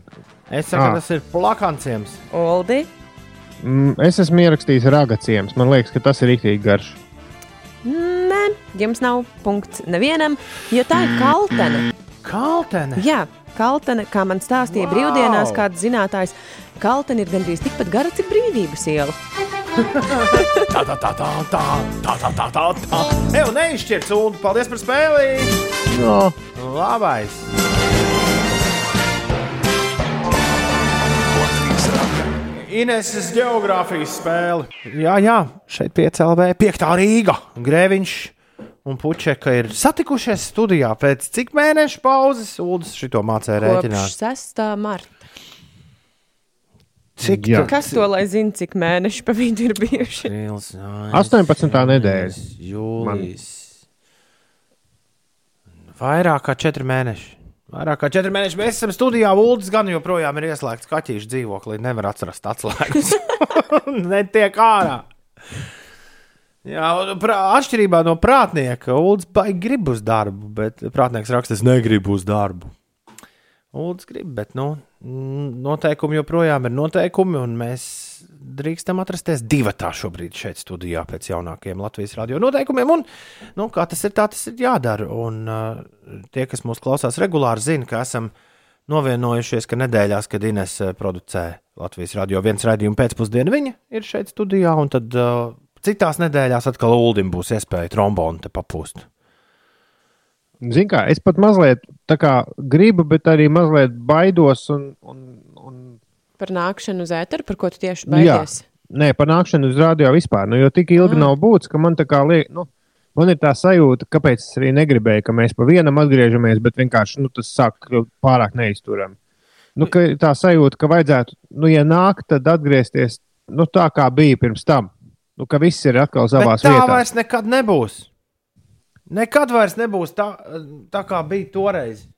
Jā, jā, bet nu, es saku, man ir tā sajūta, ka negribas uz tādu pu ar puskāju atgriezties. Tad labāk vispār. Līdz ar to ir tā, ka it kā sēdi mājās. Nu, tā ir kā, nu, it kā mēs būtu iedomājušies, bijuši ieslēgti vienkārši dzīvoklī, un tev bail iziet uz ielas. It kā gribas, bet tajā pašā laikā, kas tad tur būs? Bet, Tā? jā, sajūtas ir uh, interesantas. Es arī biju mazliet nobežījusies par uh, šo rītu, bet uh, nu, ir tomēr sajūta, ka ir uh, pa pusē jātanīs vecajās sliedēs, ka tu aizvien Nu jā. sēdi pie tā sava iepriekšējā datora. Jo zini, kas man bija par problēmu mājās? Es visu laiku domāju, ka nu, šis ir īslaicīgi. Līdz ar to es nekad, eh, es, es nekad nebiju iekārtojis tādu kā- kārtīgu darba stūrīti, kur man ērtā augstumā stāv viens dators, otrs dators, ka man ir kārtīgs mikrofons, statīvs un ka man ir visas uh, nepieciešamās pieejas uh, savos datoros, lai redzētu, piemēram, kādas dziesmas Toms spēlē un kad man būs jāiznāk ēterā ar Ines, kas notiek. Līdz ar to es visu, visu laiku man bija tāds eh, režīms, nu, ka kaut kad jau atgriezīsimies. Var jau to datoru nenolikt tik ārstā augstumā.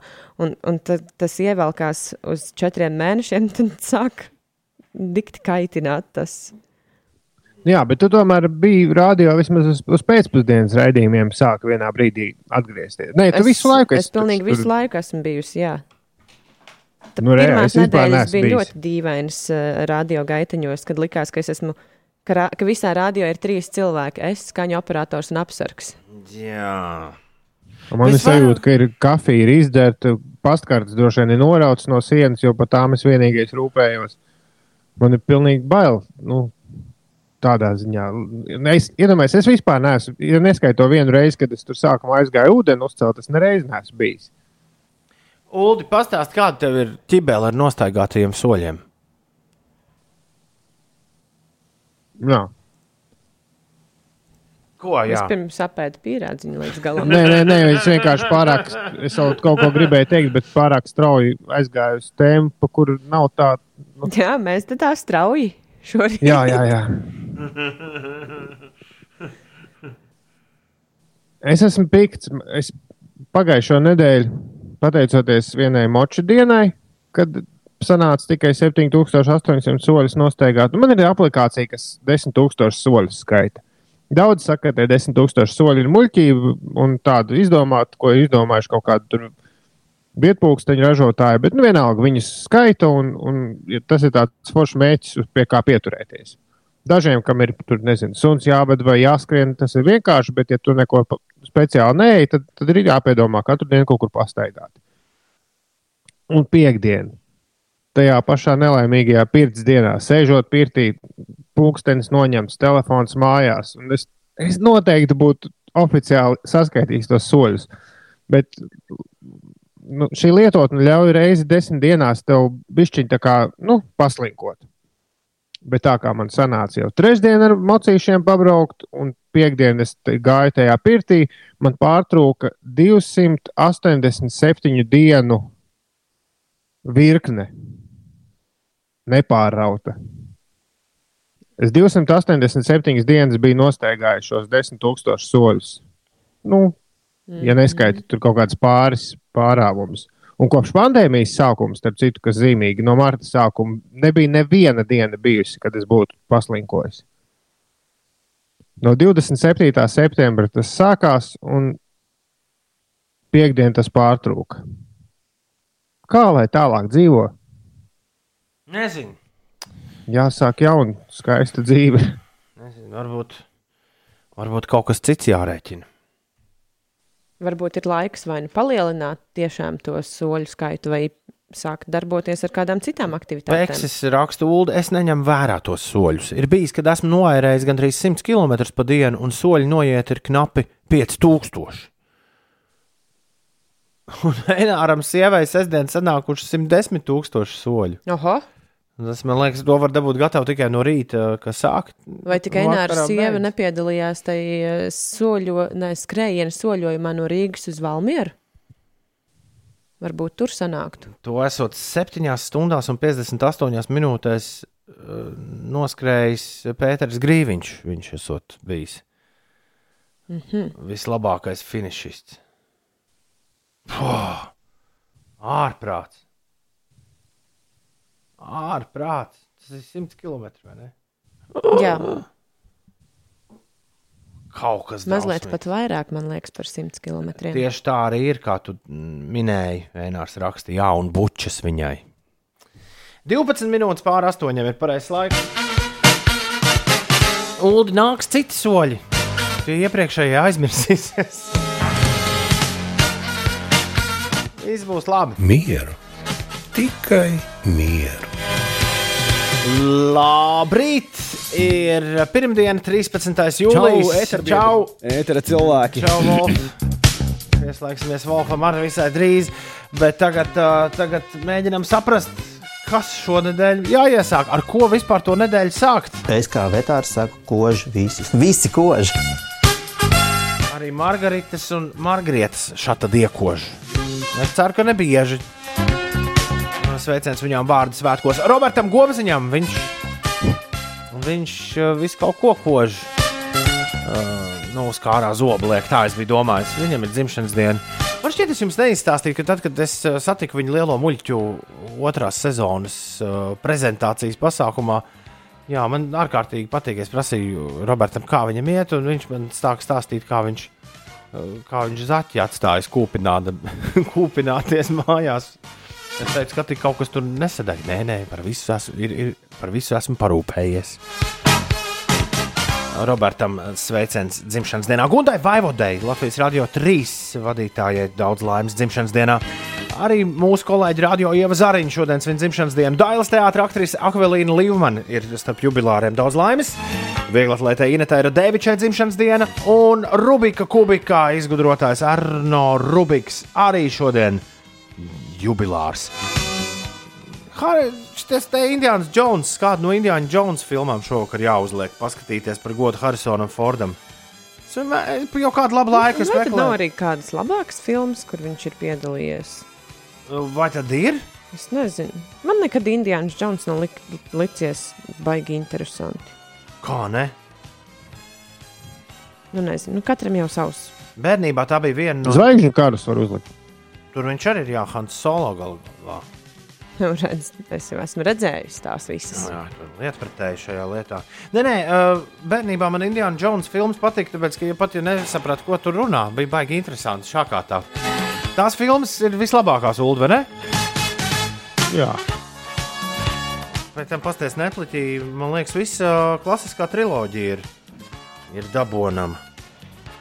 Pēdējais krusta gājiens. Oh, tas bija labs. Es šito tiešām šodien izdarīšu. Patrikam Stjortam no X-meniem daudz laimes dzimšanas dienā, un Uldis uz Nacionālo teātri sūta īpašu sveicienu. Jā, daudz laimes Ilzē Blaubergā. Daudz laimes tev! Šī mūzika arī ir no, no, no, no, no, no, no, no Indiana Jonesa. Jā. Jā. Dun, dun, dun, dun, dun, dun, dun. Ir 15 pār 8. Cēlies augšā. Esot Blade Runner jāskatās ar, ar Harrisonu Fordu. Drīzāk tā Andris domā. tas tāds padrūms man likās. Jā, varbūt kaut ko gaišāku. Mārtiņš saka, ka galvenais vismaz desmit soļus dienā noiet. Nu, es domāju, ka ar šo uzdevumu mēs visi tiksim galā.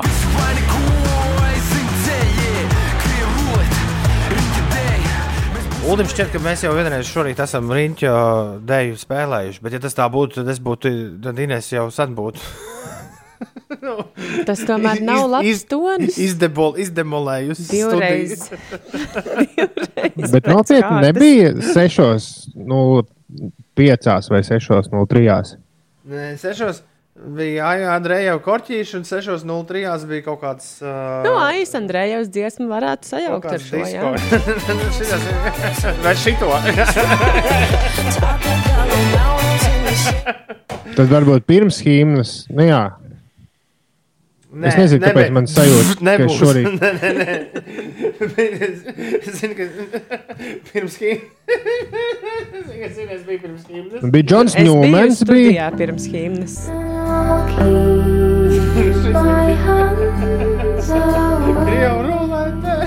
Un pirms tā bija Džons Ņūmens. Ja?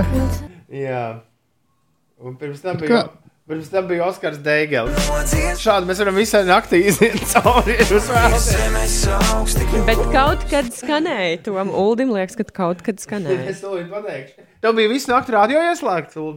Nē, es šo dzirdēju. Šorīt es ieslēdzu pie Džona Ņūmena radio. Man tiešām liekas, ka es šo dziesmu šorīt rīta agrumā dzirdēju. Pēc Džona Ņūmena pirms jūsu ierašanās Tā studijā. jau ir ielauzusies tavā zemapziņā. Uh, es skatos, uh, es skatos uh, programmas izrakstā. Šorī, š, šī bija pirmā reize šajā diennaktī, kad šī dziesma noskanēja ēterā. Ir 8,24 minūtes pareizais laiks. Labrīt! Ir pirmdiena, 13. jūlijas. Cēlies augšā. Ines, pastāsti, kas notiek? Mēs eh, iepriekš nepelnīti maz uzmanības pievērsām šim soļojum, ne, skrējienu soļojumam Rīgā Valmierā, kas norisinājās aizvadītajās eh, brīvdienās. Un, eh, šī pasākuma laikā ir gāsts 28 gadu sens rekords. Iepriekšējais rekords šim posmam Rīgā Valmiera bija 8 stundas, 1 minūte un 38 sekundes. Tad Pēters Grīviņš aizvadīja 7. brīvdienās šo ceļu līdz Valmierai no Rīgas ir pieveicis 7 stundās 59 minūtēs un 2 sekundēs. Savukārt aiz viņa Kristaps eh, Magona atpalika par 58 sekundēm. Tā kā aizvadītās brīvdienas eh, ultramaratonu skrējējiem patiesībā ir bijuši lieli svētki. Par laikapstākļiem šajā nedēļā. Šonadēļ tikai vietām valstī gaidāms īslaicīgs lietus, gaisa temperatūra nedēļas gaitā pakāpsies O līdz plus 27 grādu atzīmē. Jej! Šodien un rīt veidosies daži gubu lietus mākoņi, gaisa temperatūra gan vēl nepārsniegs 18,23 grādu robežu, bet jau turpmākajās dienās būs pārsvarā sauss un saulains laiks, un gaisa temperatūra vietām sasniegs plus 27 grādu atzīmi. Tas gaidot šo nedēļu. Bet šodien gan vēl mainīgs mākoņu daudzums, vietām uzlīs plus 19, plus 22 grādi. Noslēdzot par soļu skaitīšanu, Aigars raksta, ka soļu skaitīšana ULD vispār ir tīrās muļķības. Pavicina roku pāris reizes un redzēs, cik daudz soļus jau būs nostaigājis. Jā, bet es nevicinu roku. Varbūt tu nevicināji rokas gan sparīgi, tad, kad gāji. Es vienkārši biju no, atstājis visas viedierītes mājiņā. Pie pietas. Nē, nekas, nekas. Es zinu, ka tas, ka tas ir ļoti aptuveni un tā, bet nu, vienalga tas vismaz kaut kāds pieturas punkts, kas liek izvilkties no mājām ārā. Jā, nu jāmeklē cits pieturs. Mieres. Gāzē, gāzē, gāzē. Tu uztaisīji gāzē, gāzē, Ines. Ko? Brīvdienu. Nu, es nezinu. Nu, Kā, tu- kā to īsti saprast? man liekas, ka tā kā tu uz... Nu, vut, vut, brrr. Mazliet uh, sanāca, jā. Aizbraukt līdz Valmierai, līdz Ograi. Pagaidā, mocīts stāvēja, Ulu, es saprotu, visu nedēļas nogali nedarbināts. Jā, es piekdienu, piekdienu dabūju atpakaļ no, no servisa. Tur viss ir sabildēts. Tagad taps tāme un viss pārējais. Un, nē, ir braucams, bet piekdiena lija. Sestdien es atbraucu vēl un bija vējains, un vakardien kaut kā nesanāca. Šodien gan varētu nomazgāt un tā.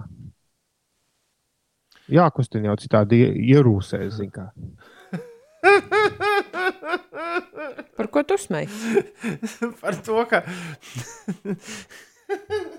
Andris nevar saprast, kāpēc vilciņš, Aleks, tiek saukts par Wolfu un jau sen. Čau, eterbiedri. Etera cilvēki. Jā, ko, es arī nevaru saprast, kāpēc Aleksam Vilciņam tāda balss tā, ko dīvaini palikusi. Artis Volfs savu auto mazgā vidēji trīs reizes gadā. Taču valsts svarīgāko hit parādi Latvijas top 40 viņš vada 52 reizes gadā.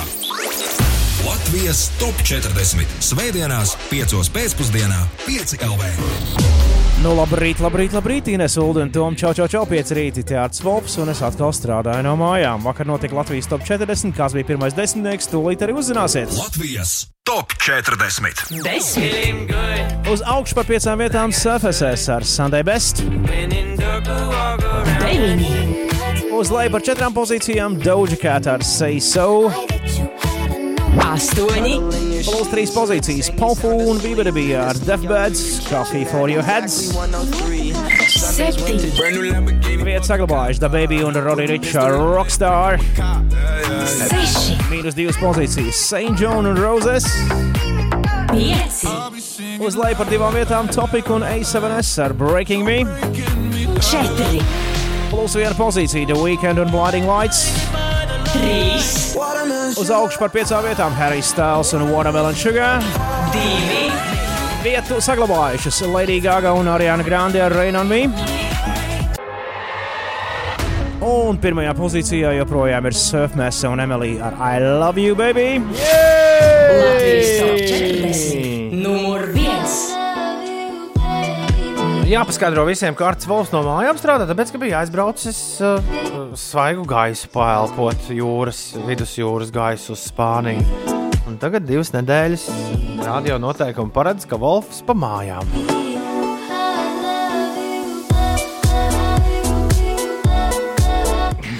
jā, jā, ceļot drīkst, bet būs sekas. nu, kaut kā tā, apmēram. 8,34. Paldies, Wolf, par ziņojumu. Tad, tad vecais labais I love you, baby, joprojām numur viens. Surf Mesa un Emīlija numur viens Latvijā. I love you, baby. Vai kādā šajā te zvejnieku svētku ballē dzirdēji pa gabalu šo skanējumu? nē. Es dzirdēju pa gabalu interbusuli un Bermudu divstūri un uh, labvēlīgo tipu, bet šo nē. Tos lika no diska, jā? Nu, nē, tie bija uh, Ā. paši. Rojas estrādē, tajā smukajā jaunajā estrādē. Tas jau gāza apkārt noteikti. Šitāds te mākslinieku saraksts. Pusulis, tips un Bermudu divstūris. Ārprāt. Šī īsts festivāls. Nu, cilvēki bija diezgan daudz, jā. Bet vai kāds pirka tik daudz tās biļetes uz tām ierobežotajām vietām? Es strādāju. To es tev nemācīšu pateikt. Tu nekādu dzīvo mūziku nedzirdēji, Ulu, brīvdienās. Nē, nē par, par laimi vai nelaimi. Nē. Nu, labi. Whole life being thugs, no choice selling drugs. Genocide, what it does. Slavery, what it does. Topošais prezidents kungs Kanija Vest ar Travis Scottu kopā. Tad, kad viņš tiks līdz Baltiem, nav.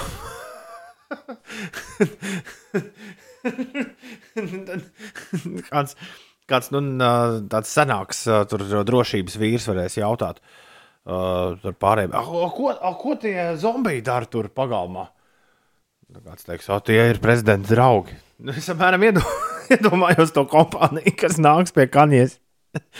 Tā kā regulāri ciemos, Trēmis Skots viens no viņiem. Tas būs visai interesanti.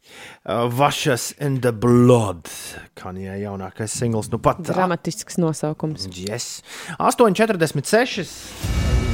Dramatiskajai ziņu mūzikai skanot. Ines, pastāst, kas notiek? Pagājušajā nedēļā Latvijā novērotais Covid-19 uzliesmojums nav vērtējams kā būtisks, tomēr saslimušo skaita pieaugums liek domāt, ka sabiedrība zaudējusi modrību par agru. Tā šorīt intervijā TV3 šādu viedokli pauda Rīgas Tradiņu Universitātes infektoloģijas katedras vadītāja Rīgas Austrum Kliniskās Universitātes slimnīcas infektoloģijas galvenā speciāliste Ludmila Vīksna. Par eh, laikapstākļiem gaidāmajā nedēļā. Iepšu šajā nedēļā tikai vietām valstī gaidāms īslaicīgs lietus. Gaisa temperatūra gan nedēļas gaitā pakāpsies līdz plus 27 grādu atzīmei. Vēl tikai šodien un rīt būs daži eh, lietus mākoņi. Gaisa temperatūra nepārsniegs plus 18, plus 23 grādus, bet pēc tam gan pamatīgs eh, siltums iestāsies plus 27 grādi. Šodien vēl mainīgs mākoņu daudzums, vietām gaidāms īslaicīgs lietus. Visvairāk eh, lietus mākoņi būs zemgalē. Dažviet var nodārdēt arī pērkons, un šodien gaisa temperatūra plus 19, plus 22 grādi. Par sastrēgumiem Rīgas ielās uz A7 posmā Kroksils baložu pagrieziens 9 minūtes jāpavada Kārļa Ulmaņa gatavē jārēķinās ar 6 minūtēm, Slokas ielā aptuveni 6 minūtes arī jāpierēķina klāta ceļam. Posmā no Dabas līdz Jaunolainai ir eh, vismaz eh, 25 minūtes. Un atgādināšu, ka ir sākušies remontdarbi uz Čaka ielas. Kreisajā pusē šobrīd Merķeļa līdz, no Merķeļa līdz Pērnavas ielai. līdz pat Ziemassvētkiem. Nu, četru mēnešu garumā plānot Tā gan remontdarbi. jau pavilks līdz Ziemas- Ziemassvētkiem. Nevar teikt, tik ātri viss attaisnot.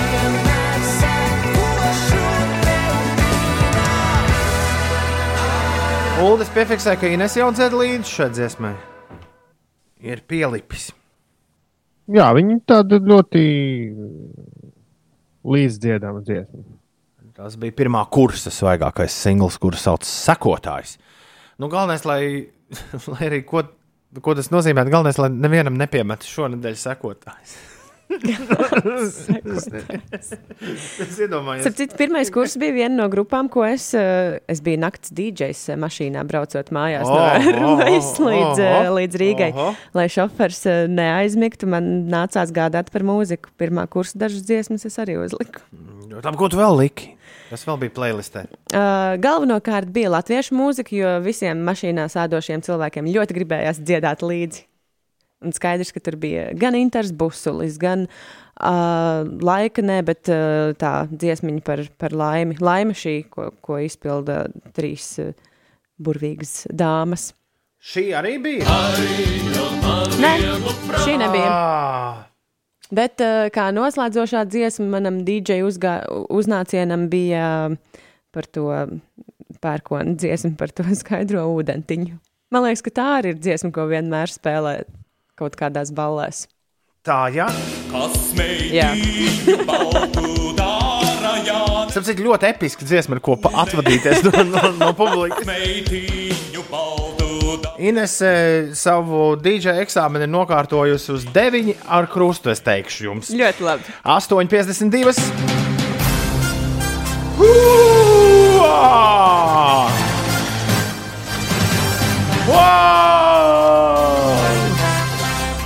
Labu rītu pirmdienā!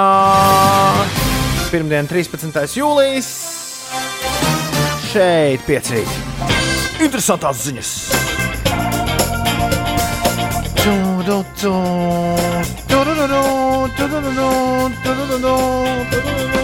Par interesantu modes kliedzienu ziņo BBC, British Broadcasting Company. Vairākas plastiskās ķirurģijas klīnikas ziņo par neparastu klientu pieplūdumu pēdējā laikā, un īpaši uz lūpu pildīšanu, botulīna injicēšanu, kā arī nopietnākiem sejas un deguna darbiem. Ines, tu vari uzminēt, kāpēc tas tā notiek? Es nezinu, nošļūku seju sēžot mājās. Izrādās iemesls pavisam vienkārši. Daudz, kas jau sen sapņojuši kaut ko uzlabot savā fasādē, Jā. beidzot to var izdarīt un pēc operācijas posmu pavadīt vai nu izolācijā Ah. mājās, vai arī staigājot apkārt ar sejas masku. Jā, ļoti gudri. Uh, Kā stāsta Rots J. Roričs, plastiskais ķirurgs no Teksāsas. Uh, Pacientu skaita pieaugums ir vairāk nekā normāls. Mēs varētu strādāt visas brīvdienas, ja vien vēlētos. Tas ir neticami. Interesanti. Pie mums arī tas tā ir. Kāds zinātājs varētu atrakstīt uz 293, 1202, 293, 1202. Atcerieties, mums senos laikos bija tāda akcija, kur lielveikalā ļaudis turas pie automašīnas. Kurš ilgāk nostāvēs, neatlaižot roku, tiks pie auto. Šī akcija noteikti neiet cauri šajos laikos, man liekas. Izrādās, kāds ir izdomājis šo pašu spēli tikai virtuāli ar vietāluņiem. Konkursu ir izveidojis kāds youtuberis vārdā Džimijs Donaldsons, un princips ir vienkāršs. Dalībniekiem sākot no 30. jūnija lietotnē, ko sauc par Finger on the App, loģiski bija jāuzliek pirksts uz Nu, tālruņa. loģisks nosaukums šeit lietotnē. Jā, jāuzliek pirksts uz tālruņa ekrāna, un tas, kurš paliks pēdējais, tiks pie balvas 25,000 dolāru. Lietotne lejo pielādēja uh, 1,3 miljonu lietotāju, un, ja lielākā daļa atbīra pirmo dienu laikā, pēdējie dalībnieki izrādījās cietsieksts, un konkursu organizators pat sāk piedāvāt mazākas naudas balvas, lai šis viss kaut kad beigtos.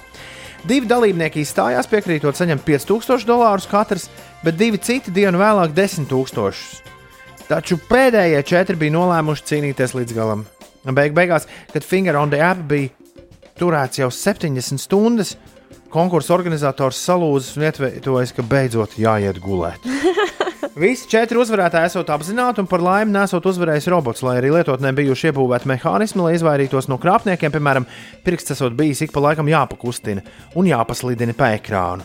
YouTuberis Džimijs Donaldsons, kam ir 38,5 miljonus sekotāju, ir pazīstams ar līdzīgiem pamatīgus ieguldījumus prasošiem trikiem. Pēdējie viņa video saucas: Es nopirku pasaulē dārgāko pirotehniku, tas ir 600 tūkstoši dolāriem. Es ielauzos mājās, mājā un atstāju tur 50 tūkstoši dolāru. Wow.